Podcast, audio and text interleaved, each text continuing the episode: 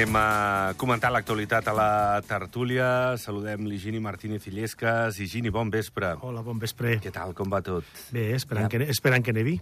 Esperant que nevi, perquè, home, ha nevat una mica, però és veritat, ara dèiem, mira, ja que has introduït la qüestió, que els camps de neu obriran... Arcalís va obrir, eh, una miqueta, Arca, parcialment. Arcalasca surt obre abans, sempre, ja Sí, no? Ja.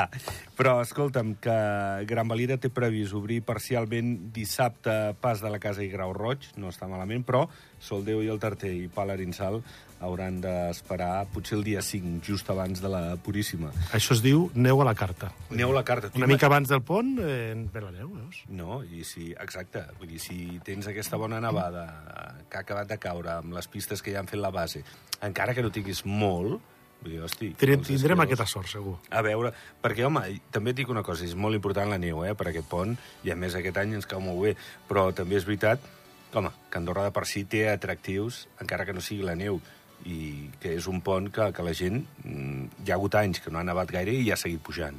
El curiós és que a nosaltres, els andorrans, ens agrada molt la neu. Sí. Segurament perquè portem rodes de neu, portem botes de neu. Sí, i la veiem molt, que a d'altres llocs no. com que estem tan preparats per anar per la neu, ens agrada que nevi per provar les nostres rodes, els nostres 4x4 i això. Sí. Cosa que els, els de fora no ho entenen. No, no, i tant que no ho entenen, perquè venen amb rodes llises i després ens trobem aquí uns festivals que, que deixeu estar. I no ens agrada la boira, als andorrans. No, la veritat és I curiosament als lleidatans li agrada molt la boira i no agrada... pobres i els biguetans i es tiren setmanes sense veure el sol. Bé, Higini, eh, estem pendents de l'altre tertulià, serà el Joan Ramon Sánchez, que ara entrarà en directe. Havíem parlat del Juli Fernández, però li ha sortit un imprevist i hem fet també nosaltres aquí cabrioles per, per intentar que no estiguessis sol i que fos una tertúlia més amena amb el, amb el Joan Ramon també. Ja et deia, Jordi, d'utilitzar la intel·ligència artificial i fer un altre tertuliano, però no has volgut. Home, eh, ja ho... Deixa'ns, anirem... Tot arribarà. Anirem millorant. Ara, jo ho sento, jo la intel·ligència artificial està molt bé, però no estigui el contacte físic. Jo aquí, Siris i coses d'aquestes, se'm fa encara molt estrany. Ara, igual d'aquí tres anys ja veuràs eh, on estarem i igual ja n'hi estic jo, ja hi ha una, una presentadora eh, d'intel·ligència artificial. Bé, doncs eh, anem a començar a parlar de la tertúlia. Hem parlat d'això, de- d'aquest àmbit de la neu. El Constitucional ha ordenat que s'indemnitzi l'exconseller Lauradià, el Joan Basolí, i també l'antic president del Barça, Sandro Rossell, perquè diuen s'ha vulnerat el dret a un judici de durada raonable. És que porten aquests senyors des del 2017 aquí a Andorra, aviam si, si ens eh, fan el judici o no. És que jo no sé, de vegades allò de la justícia que valenta, eh, en casos així, sembla mentida. El cas Valora és un altre cas que està penjat. El, el cas del túnel de les dos Valires, l'accident mortal d'aquelles persones, és que no ho entenc. És que jo entenc que poden ser dossiers més o menys complicats, però, home, Si el cas del, del Joan Bessolí eh, és un cas flagrant i a més que no, no és que vagi lent, és que està totalment parat i, i bueno, al final caurà una indemnització i, i amb tota la raó i amb tot el pes la llei del món Mhm. perquè no, que no pot estar la, just, la justícia en aquest cas i amb, i amb comptes que estan aturats del Joan Bessolí eh, comptes que tenen bloquejats quan la justícia espanyola ja s'ha pronunciat. Per tant, penso que, que bueno, targeta groga o targeta vermella per la, Sí. sí. per la justícia andorrana, que, que en gaudim moltes vegades que funciona molt bé, però a vegades pues, doncs, té això. Eh, tenim ja el Joan Ramon Sánchez a l'altra banda del fil telefònic. Joan Ramon, bon vespre. Bon vespre, Jordi. I merci, eh, per estar aquí, perquè t'hem trucat allò, eh, pues això, eh, apretadíssim de temps i, i a ultimíssima hora. Però com que estàs al dia, ets Sí. una persona que com a tertulià sempre està al dia, doncs eh, ens fas el favor. Escolta, això del Basolí, què et sembla? Home, em sembla molt, em sembla molt greu el, que portin tant temps amb un tema que semblaria ser que a nivell d'Espanya ho tenen tancat i a nivell d'aquí no, no hi ha manera. La veritat és que, eh, encara que hi hagi indemnitzacions en aquests casos, eh, a nivell de les persones, vull dir, és molt greu estar en situacions d'aquest tipus i que, a més, doncs, per dir alguna no es pugui fer un tancament. Eh, sapiguent una miqueta que el tema doncs, a baix ho van, ho van una mica desestimar i ho van deixar. Sí que els hi, els hi donaran, per dir alguna cosa, d'indemnització i tal, però tot el que han patit, tot el que han passat, això, això no té preu. Mm -hmm. Bé, no, no, sens dubte. I ja els hi va passar a Espanya, evidentment, però ja han estat jutjats, empresonats, jutjats i en llibertat. En fi, uh, sobre el Consell d'Europa ha criticat amb duresa el procediment judicial contra la presidenta de Stop uh, Violències. Uh, diuen que restringeix la llibertat d'expressió de Vanessa Mendoza.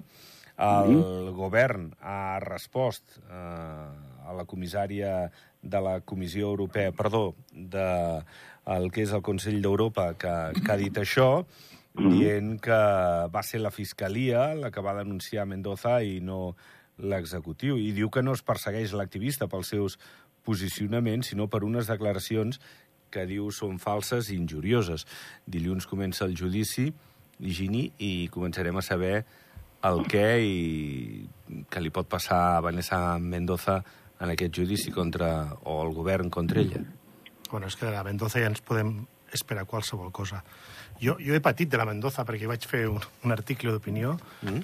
i, i vaig patir bueno, pues que, a, a l'Instagram se'm va ficar la meva foto, una caricatura vestit de pallasso i ficava el, el pallasso de, de la setmana, no?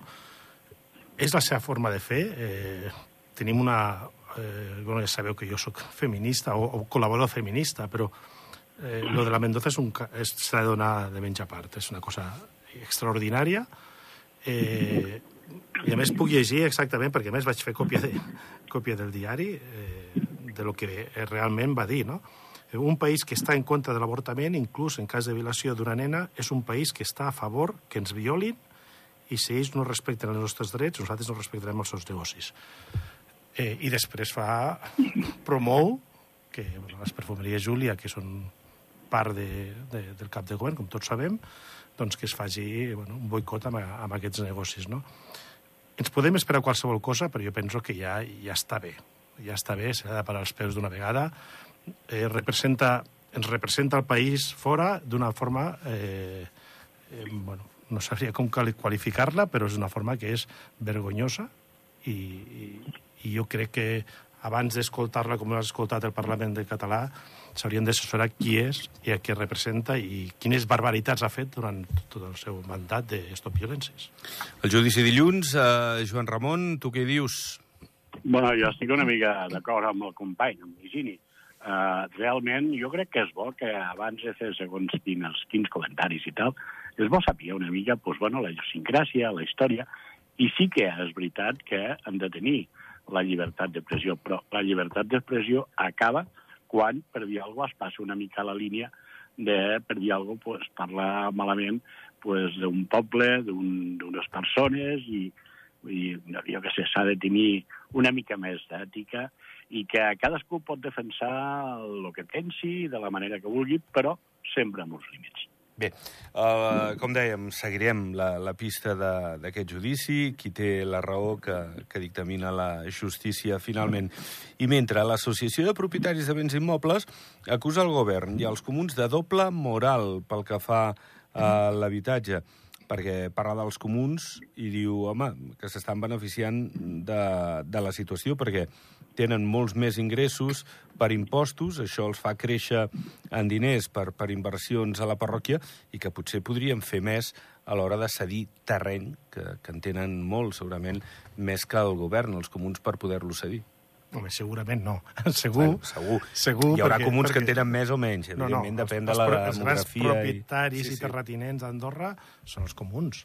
I són els comuns els que, els que reben els 15% de cessió, en el cas d'Escaldes, i, bueno, altres comuns com, com a, altres parròquies com a Massana rep només el 5%, per uh -huh. això és per una elecció seva. Sí. Eh, la llei indica del 5 al 15% de cessió obligatòria, i són aquests terrenys que van sortint enmig de la ciutat doncs els que s'han de promoure per fer habitatges, ja sigui pel mateix comú, però, però fa una promoció i, i fa un habitatge social, com, com, com bé que han promès a les eleccions passades i ara em sembla que serà similar, o bé cedir-los, com ha fet el Comú d'Andorra, cedir-los al govern.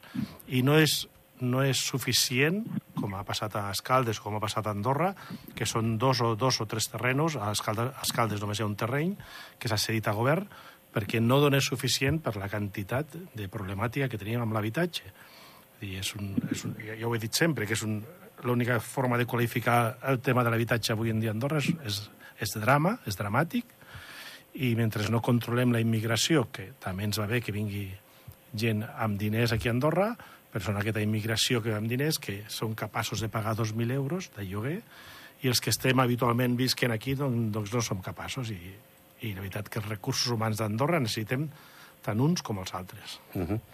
Tu, Joan Ramon, què hi dius? Home, jo, la veritat, vull dir, jo sé que els comuns, amb el tema eh, de l'urbanisme i amb el tema de les sessions obligatòries, pues sí que realment amb les unitats d'actuació que aquests últims anys s'han engegat, i en comuns que han engegat o han aprovat molts més metres que d'altres, ¿vale? però la llei també ho marca. Vull dir, les sessions obligatòries són per serveis, per serveis públics, per serveis a nivell de tindre dipòsits, de tindre zones d'esbarjo, jardins i tal. Que els comuns s'haurien d'implicar més perquè realment sí que estan recollint, doncs per dir alguna cosa, metres quadrats i que el govern ho té més complicat, lògicament. Però jo crec que és un problema que tenim...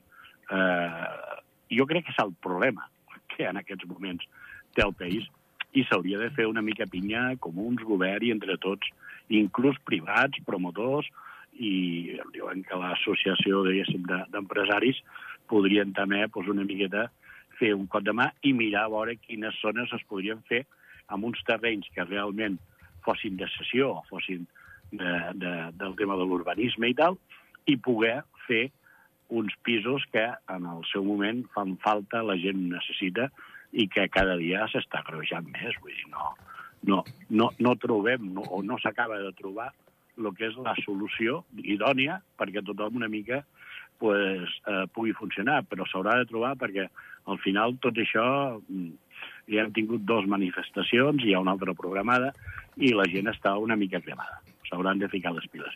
Però jo crec que és un problema de país que hauria de treballar una miqueta aquest tema conjuntament. És dir, els comuns, vale, és l'administració, diguéssim, de les parròquies i tal, però el govern també, entre els comuns i el govern, fer tàndem i entre els privats inclús, que trobessin motivació per poder fer edificis amb un cost una miqueta, diguéssim, més baix i que els, els poguessin tindre amb renta llarga, que seria fer uns joves que la gent pues, més o menys pogués pagar. I si no, l'altra alternativa és que la gent ha de cobrar molts més diners del que s'està cobrant per poder pagar els joves que setmana.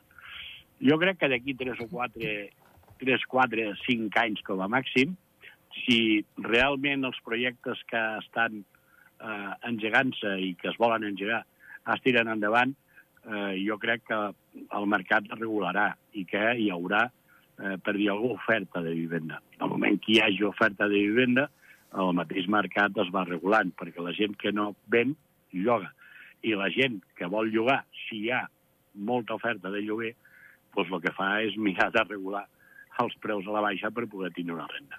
Però realment el problema és greu. Ho parlem moltes vegades a les tertúlies i, i realment la solució màgica segur que no hi és, però crec que haurien de fer pinya. Però haurien de fer pinya tots. I comú, govern, inclús les associacions, vull dir, el tema d'empresaris, l'associació de constructors, i una miqueta fer doncs, unes rodes eh, de treball i mirar de trobar alternatives i solucions. Vull dir, és, és edificar, és construir. Però si es comença ara a construir, això, fins aquí dos o tres anys, no serà un producte que tindrà la gent per poder jugar. Bueno, Eh, seguirem, lògicament, perquè a les tertulies i en el dia a dia aquesta qüestió de l'habitatge seguirà sent notícia. Els arquitectes plantegen cooperatives d'habitatges, perquè diuen així eliminen l'especulació. I ha parlat de que, per exemple, això ja s'aplica a Suïssa i Barcelona, eh, i que, entre d'altres, eliminen el promotor de l'equació, i com que ja no té beneficis, també això s'ho estalvien. Com, com ho veieu, això, Gini? Eh, la mateixa notícia també donava que els arquitectes proposaven també pels tema dels temporers... Temporers i una espècie de cabanes, no? Sí. Una bueno, construcció això, de fusta... Això fa temps que inclús sí. jo, jo crec que ho hem portat a, a algun programa, i jo amb articles d'opinió també ho he dit, i bueno, tots, tots hem anat, a, per exemple, a Euro Disney o hem anat a, a Warner, a aquests llocs, sí. i els, els treballadors viuen allà. Per què? Perquè Primer perquè no s'han de desplaçar per, per tot París, per anar, per anar a Eurodisney a treballar, no? Llavors tenen les cases allà. i lo, i lo segon perquè el, eh, tots aquests pisos bloquejats, eh, sobretot aquí a Andorra, només per la temporada d'hivern, que fan totes les estacions, perquè si no, no podrien ficar tots els temporers, doncs quedarien desbloquejats i anirien al mercat, que són bastants pisos, perquè de temporers n'hi ha, ha, ha molts que venen aquí i aquestes estacions no tenen més remei que estiguin desbloquejats aquests pisos. Per tant, aquesta solució de fer com unes cabanes a dintre de les estacions perquè, perquè la gent que treballi a les estacions poguessin treballar directament, doncs és una, una de les tecles del piano que també s'han de tocar. No? Com, ha dit, com, com he comentat, és, no és un tema senzill, però sí que hi ha moltes tecles que s'han d'anar tocant. Com he dit abans, la immigració ha d'estar ponderada també amb l'oferta de, de vivenda. No?